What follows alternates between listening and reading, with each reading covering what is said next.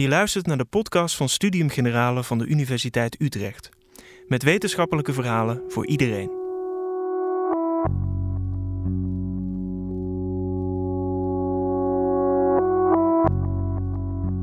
Zonnepanelen, windmolens en elektrische auto's.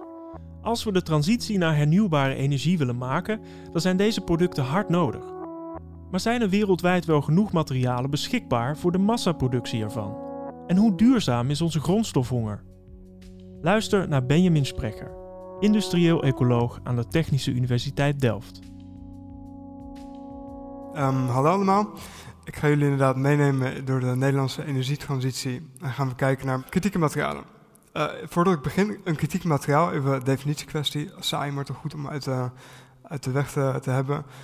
Dat is, we noemen dat een kritiek materiaal. Alle materialen zijn, zijn materialen. En dan zijn ze kritiek als ze zowel heel belangrijk zijn voor onze economie. Um, dus bijvoorbeeld ijzer is super belangrijk voor onze economie, koper is heel belangrijk, uh, neodymium is heel belangrijk. Maar het is pas kritiek als het ook op de een of andere manier de supply chains heel fragiel zijn, of als er te weinig van is, of als er op de een of andere manier een probleem oplevert. Dus ijzer heel belangrijk, maar niet zo problematisch. Uh, neodymium magneetjes ook heel belangrijk, maar wel problematisch. Dat gezegd hebbende. Uh, kritieke materialen, onder meer voor zonnepanelen. Er zit silicium in, heel veel zilver, heel veel koper hebben we daarvoor nodig. Windturbines, zoals ik al zei, uh, de neodymiummagneten zitten er behoorlijk wat van in. En elektrische auto's helemaal vol met kobalt en nikkel en, en vanadium en zo, andere materialen. En dan nou, gaan we even kijken naar, voordat we kijken naar hoeveel materialen we nou echt nodig hebben, wat voor, wat voor headlines zijn er nou recentelijk in het nieuws geweest hierover? Gewoon even een bloemlezing. Bijna 1 op de 5 fabrieken in Nederland heeft toeleveringsproblemen. Um, dat is natuurlijk deels corona gerelateerd, maar ook deels gewoon omdat de afgelopen 10, 20 jaar we deels door zo'n energietransitie, maar ook deels door economische groei, steeds meer materialen zijn gaan gebruiken. En de vraag is dan van, hebben we wel genoeg van die materialen? Kunnen we genoeg produceren? lopen we tegen bepaalde problemen aan. Uh, ik werk hier al nou, 10, 15 jaar aan. En toen ik begon met promoveren, toen zeiden we altijd van ja, het is echt wel een probleem. Het gaat echt wel een probleem zijn in de toekomst. En nu zijn we op een punt aanbeland waar het ook echt een probleem is. Uh, in Nederland al een op de vijf fabrieken een probleem. Dat is natuurlijk heel vervelend voor die fabrieken. Maar voor mij als wetenschapper is dat, is dat heel leuk. Ik denk van yes, eindelijk een keer actie in de tent. Uh, gewoon een keer zien wat er nou daadwerkelijk gebeurt als het fout gaat. Um, dit was in het Financieel Dagblad van een paar dagen geleden, vorige week. Prijsexplosie metalen kan rem zetten op energietransitie Europese Unie. Uh, dus ook Financieel Dagblad kijkt hier naar. Ik word vaak gebeld door de journalisten en zegt van, nou oké, dit metaal is een probleem, dat metaal is een probleem. Hm. Um, het Amerikaanse leger kijkt heel erg naar. Dus US needs more mines to boost rare supply. Um, ik zal je vertellen, ik zat Ah, vier jaar geleden, ondertussen, was ik in Washington, D.C. En er was een, uh, een, een, zaal zoals dit eigenlijk, maar dan iets minder, minder statig. En dat ging over batterijen voor de Amerikaanse auto-industrie. Tesla zaten daar en zaten andere autofabrikanten, maar ook uh, elektronica bedrijven zoals Apple en zo. Zaten te kijken van, oké, hebben we nou genoeg metalen voor de batterijen die we nodig hebben voor onze consumenten elektronica? En uh, vooral hoe kunnen we die supply chains op gang krijgen. Want het, vroeger haalden we alles uit ons eigen land, maar nu haal je eigenlijk allemaal dingen uit andere landen. Um, is dat een probleem, ja of nee? En uh, toen zat er iemand van het Amerikaanse leger en er zaten wat andere, het is allemaal uh, soort van onder NDA's, mag niet precies zeggen wie wat zei, maar op een gegeven moment stond er iemand op het podium en die zei, yeah, we used to send in our forces to get the oil And in the future we might have to send in our forces to get the medals. En toen dacht ik, oké, nou, dat is best een heftige uitspraak. Uh, maar ik was de enige buitenlander in die zaal en iedereen zat er van, uh, oké, ja, nou, zo gaan we dat gewoon regelen. Dus, dus een beetje van andere landen, die zien dit echt ook als een, een security of supply probleem. Die kijken naar grondstoffen. Ik heb ook een jaar in Japan gezeten en die denken echt van, wauw, uh, wij, de Japanse industrie, hebben allemaal spullen nodig. Um, hoe gaan we ervoor zorgen dat we dat kunnen krijgen? In Amerika dus Pentagon. Toen ik in Amerika werkte, toen werkte ik ook op een militair project. Zo interessant als milieukundige. Um, en nog een mooie, Poetin geeft opdracht gasvoorraden Europa aan te vullen. Dus deze dynamiek van wij in Nederland hebben niet zoveel spullen, maar we hebben die spullen wel nodig. En doordat we die spullen nodig hebben van andere mensen, daarmee creëren we een bepaalde vorm van afhankelijkheid. Dat zie je ook natuurlijk in, in andere gebieden terugkomen. En deze slide heb ik een paar maanden geleden gemaakt. Uh, in elk geval die, die plaatjes. En toen zei ik nog van, nou ja, weet je, Poetin die zomaar kan zeggen dat we wel of niet gas hebben, dat is natuurlijk een groot probleem. Daar, met die macht kan hij ook andere dingen gaan doen. En nou, dat zien we nu ook gebeuren. Dat, dat soort landen, die voelen ook echt dat ze meer machtspositie hebben, omdat ze um, grondstoffen hebben die wij niet hebben. En daarmee hebben ze een bepaalde uh, mate van controle over andere landen. En dit is ook wel een leuke, de executive orders 2020 door Donald Trump nog, vlak voordat hij in ziekenhuis eindigde met uh, corona. Um, heeft hij een national emergency uh, verklaard, zie je onder.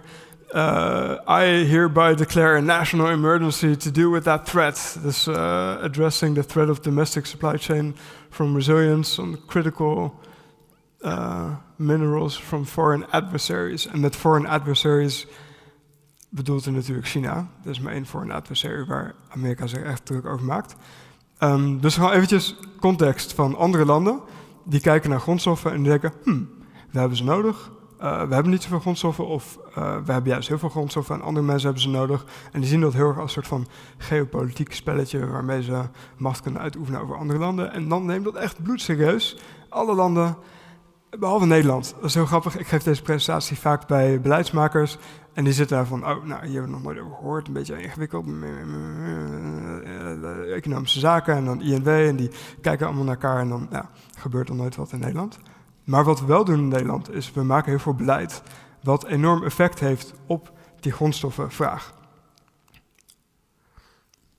Oh, nog één laatste. Ga ik eens meteen. Dit is alweer tien jaar geleden, die Economist en NWT Magazine in 2010 al uh, schreven ook een artikel over uh, dat dit echt een probleem gaat zijn ooit in de toekomst, uh, kritieke materialen. Um, dus wat we hebben gedaan met een hele club van onderzoekers van verschillende universiteiten en een aantal consultancies, we hebben het, um, er zijn een aantal netbeheerders en die hebben scenario's gemaakt voor de Nederlandse energietransitie voor de komende 10, 20, 30 jaar, van nu tot 2050. En daarin schetsen ze een beetje hoe Nederland eruit gaat zien in termen van um, energielandschap. Dus hoeveel windturbines hebben we nodig, hoeveel zonnepanelen gaan we bouwen, hoeveel koperdraden hebben we nodig, hoeveel hoogspanningsleidingen van aluminium. Um, en het enige wat wij hebben gedaan is gezegd, oké leuk, dit is wat Nederland zelf zegt dat ze gaan bouwen de komende 50 jaar. Het is waarschijnlijk veel te weinig, want zoals je weet in Nederland, zolang we VVD hebben, dan loop je altijd een beetje achter de feiten aan op milieugebied, tot de rechter aan het pas komt. Maar als we deze scenario's nou nemen en zeggen, oké, wat zeggen die netbeheerders zelf dat wij gaan bouwen? En dan vermenigvuldig je dat gewoon met hoeveel materialen je nodig hebt uh, voor al die verschillende megawattuur en uh, megawatt geïnstalleerd vermogen. In acht nemende dat technologie verandert in de komende tijd. Um, dan kom je op, op een grote hoeveelheid. Voordat ik de grote hoeveelheid laat zien, eventjes een, een perspectief-idee van welk percentage hebben we het nou over.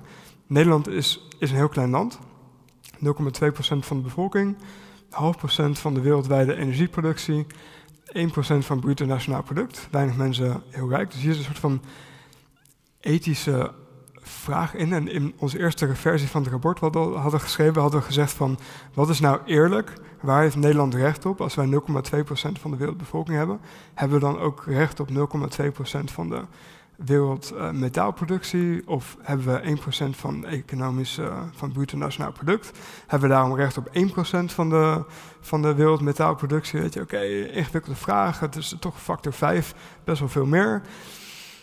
Uh, dat moesten we eruit halen, want vonden mensen te spannend. Maar het is wel leuk om over na te denken.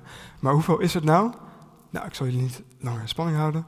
Uh, voor een aantal van de metalen die het, het meest kritiek zijn, dus van koper tot aan iridium, zie je dat, uh, en dit is dus een grafiek afgesteld, dus in de komende 10 jaar en dan de laatste, de hoogste bar, dat is van 2040 tot 2050. Je hebt steeds meer nodig in de toekomst, dat je in de toekomst steeds harder gaat bouwen. Um, wat je hier ziet is dat voor een aantal metalen, iridium bijvoorbeeld, heb je 25% van de wereldproductie van dat metaal nodig voor onze Nederlandse energietransitie. Nou, dat is echt absurd veel. Dat gaat natuurlijk niet gebeuren. En dan voor de andere lithium, neodymium, dysprosium zit je tegen de 15% van de wereldproductie. En zelfs voor de, de echt grote metalen, zo'n nikkel of, uh, of kobalt, dat zijn metalen die op best wel grote schaal worden gemaakt, hebben we alsnog richting de 5% nodig van de wereldproductie van de metalen. Nou, dat is heel erg veel. Uh, dat gaat natuurlijk niet gebeuren, want dit is alleen maar wat wij in de toekomst nodig hebben. En dat komt nog bovenop alle vraag die er nu al is. Ik bedoel, alles wat nu al wordt gemaakt, is niet voor de energietransitie. Alles wat nu al wordt gemaakt, wordt voor de militaire toepassingen, uh, voor de huidige dingen waar batterijen zitten, industriële toepassingen, elektronica, het zit werkelijk overal in. Um, dus daar ga je dit nog een keer bovenop zetten. Nou, dat is, uh, dat is een probleem. Dat betekent niet per se dat dit niet kan. Zeker als Nederland zijn, want Nederland is een heel klein land, dat is oké. Maar wat dit wel betekent, is dat als wij, zeker met heel Europa, deze manier van denken toepassen. Zo van, oké, we vervangen gewoon één op één onze, onze, auto's met elektrische auto's en dan komt het allemaal goed. Dan zie je dat je gewoon de kaart tegen grenzen gaat aanlopen. En het is heel moeilijk om bij dit soort, hele complexe systemen te zeggen wat zo'n grens precies gaat zijn. Van wat gaat er fout, wanneer gaat het fout, weet je eigenlijk niet. Als we veel meer tijd hadden gehad, dan zou je er veel meer op in kunnen gaan. Alle supply chain dynamiek, al die verschillende metalen zitten anders in elkaar. Um, maar wat je wel kan zeggen is dat ergens gaat het een keer finaal verkeerd. En wat je eigenlijk ook al kan zeggen is dat het al finaal verkeerd is gegaan. Want heel veel fabrieken staan al stil. Als je op dit moment een elektrische auto wil kopen, dat is vrij moeilijk. Gewoon omdat er te weinig onderdelen voor zijn. Um, en deels heeft dat te maken met de grondstoffen. Waar komen ze vandaan? Um, grotendeels, dus hier zie je een Sankey-diagram van land naar metaal naar technologie. En dan zie je dat heel veel komt uit China, uh, Zuid-Afrika, Australië, Congo, Rusland, uh, Verenigde Staten, een klein beetje. En wat je hier niet ziet, is dat heel veel van deze metaalstromen, ook als ze niet uit China komen, dan gaan ze vaak wel via China. Dus bijvoorbeeld in Congo zijn heel veel van die mijnen zijn van Chinese, Chinese staatsbedrijven. En ook als ze niet van een Chinees staatsbedrijf zijn, dan hebben de Chinese staatsbedrijven vaak heel strategisch een bepaalde raffinaderij ergens opgekocht. Zodat zo'n metaal via een Chinees bedrijf gaat en dan pas bij ons terechtkomt. Dus als je hier zou uittekenen, is het heel moeilijk om te doen, want er wordt heel veel moeite gestoken om dat uh, systeem heel onderzichtig te houden. Maar als je gaat kijken van wie heeft hier controle over deze materiaalstromen, dan zie je dat bepaalde landen, Japan, China, Amerika, heel veel controle daarover uitoefenen. En ook heel veel moeite in steken om die controle te houden. Nou, heel interessant. Um, wat kunnen we hieruit concluderen? Dreigende tekorten. Uh, ze zijn er deels al, maar op dit moment is het heel moeilijk om dat uh, te ontwaren. Is het nou echt een tekort vanwege corona of een, een fundamenteel tekort? Uh, je weet niet precies. Maar je kan wel vrij zeker weten dat in de komende 10, 20 jaar er echt enorme problemen gaan ontstaan. nog meer dan er al zijn. Afhankelijkheden, dus wij zijn heel afhankelijk van andere landen. En nou ja, zoals je nu ziet met Rusland en Oekraïne, als een land een bepaalde machtspositie heeft, zijn ze vaak niet bang om daar op een gegeven moment een keer gebruik van te maken. En dan heb je als afhankelijk land uh, minder opties om daarmee om te gaan. En over het algemeen kun je zeggen, zeker in, in Nederland, dat hier helemaal geen bewustzijn is van dit soort problemen. Dus ik presenteer dit best wel vaak, zoals ik al zei. En dan zitten allemaal ambtenaren en zeggen van ja, wie moet hier dan wat aan doen? Dan zeg ik, jullie, jullie moeten hier wat aan doen. Jullie zijn de ambtenaren, dus dit is allemaal overheidsbeleid wat je hier wel aan kan doen. En dan um, hoor je verder niks meer. Maar hopelijk uh, op een gegeven moment, studenten hier, worden jullie de ambtenaren van de toekomst. En dan nou, zullen we zien wat er gebeurt. Um, wat ik ook heel grappig vond, dit was ook een paar dagen geleden op de NOS-site. Dit gaat over woningtekort. Nou, schaarste, als we even de eerste zin weghalen. Er is sprake van schaarste en dat zorgt voor een prijsopdrijvend effect. Maar bouwen zal nog wel lang duren, want de oplevering van nieuwbouw duurt gemiddeld uh, eh, 10 jaar. 7 jaar voor procedures, 3 jaar voor daadwerkelijk bouw. Nou, dat is min of meer hoe lang het duurt om een mijn te maken. Het duurt ook 10, 15 jaar. Best wel interessant. En wat ook interessant is, een Chinees staatsbedrijf die zegt, nou ja, procedures, daar doen we niet aan. Die ramt zo'n mijn in drie jaar uit grond. Nou, exact zoals nieuwbouw hier, uh, als we die nieuwe Schipholbaan niet zouden bouwen. Um, en hieronder oké, wat gaan we eraan doen? Wat is het ei van Columbus? En dan zegt de jongen, het is N en N. De problemen zijn simpelweg te omvangrijk. We hebben een te groot geloof gehad in de markt. nou, dat vind ik echt heel grappig. Want dat is precies wat in de grondstoffenmarkt ook gebeurd is. Wij als het Westen hebben heel erg gezegd: ja, dit is gewoon een vrije markt. We kopen die materialen gewoon van de vrije markt. En dan komt het wel goed. Uh, en dan komt het dus niet goed. Nou, ik uh, loop alweer ruim uh, richting de 20 minuten. Dus ik, ik zal even heel snel toch jullie niet alleen proberen achter te laten met... hey, we hebben een probleem, maar ook met... hey, er zijn allemaal oplossingen waar we wat aan kunnen doen. Um, dus, en we hebben die hier heel erg plat geslagen, want het is natuurlijk uh, in de echte wereld zijn er duizenden verschillende dingen die je moet doen. En het is allemaal super ingewikkeld en complex. En je kan hele studies aan wijden, zoals ik heb gedaan. Maar als je dat even um, conceptueel samenvat.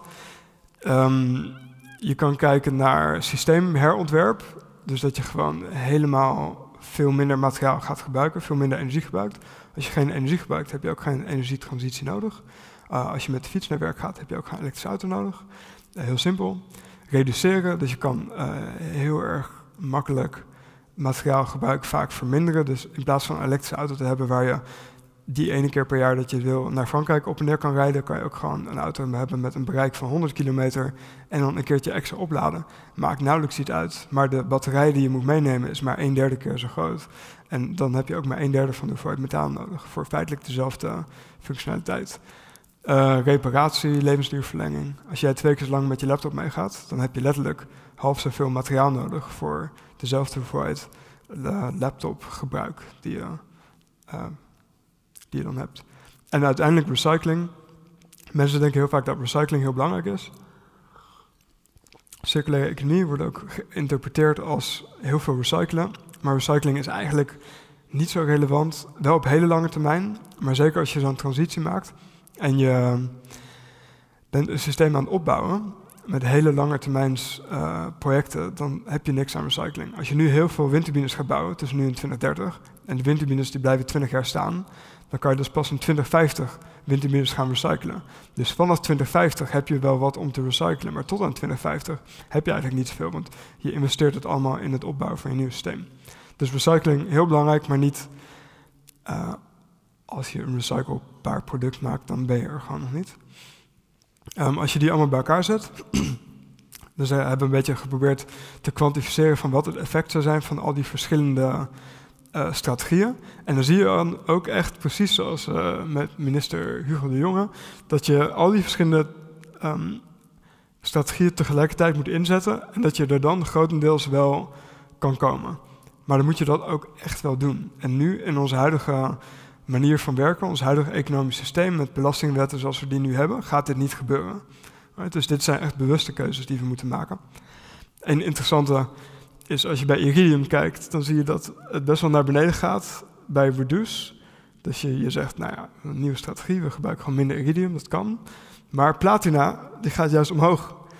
En nou ja, oké, als, als dit meer echt een college setting was, had ik gevraagd van, oké, wat is hier nou aan de hand? Maar ik zal het antwoord maar geven. Uh, je vervangt de een met de ander. Dus je kan iridium vervangen met platinum. En dan uh, heb je minder van de een, meer van de ander. En omdat de as van deze grafiek is in de hoeveelheid uh, geproduceerd materiaal per jaar, iridium wordt gewoon veel minder van geproduceerd. Dus als je 10% minder iridium gebruikt, dan heb je maar 1% meer van de wereldproductie platinum nodig. Dus zo kun je die dingen uitwisselen.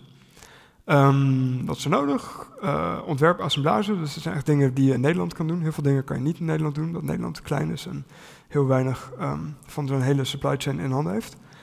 Maar um, we kunnen in Nederland wel onze producten gewoon anders ontwerpen. En we hebben wat assemblage uh, fabrieken die dingen een soort van kopen uit China in elkaar zitten. Nou, heel uh, ja, fantastisch. Maar daarin hebben we best wel wat keuzes over substitutie en dat we bepaalde dingen wel of niet willen doen. Levensduurverlengen is natuurlijk iets wat we hier in handen hebben. Want wij kopen die producten, we hebben ze hier. We kunnen gewoon veel meer aandacht aan besteden. Dat we alleen maar producten kopen die daadwerkelijk repareerbaar zijn. Die niet gewoon uit elkaar vallen na, na drie maanden.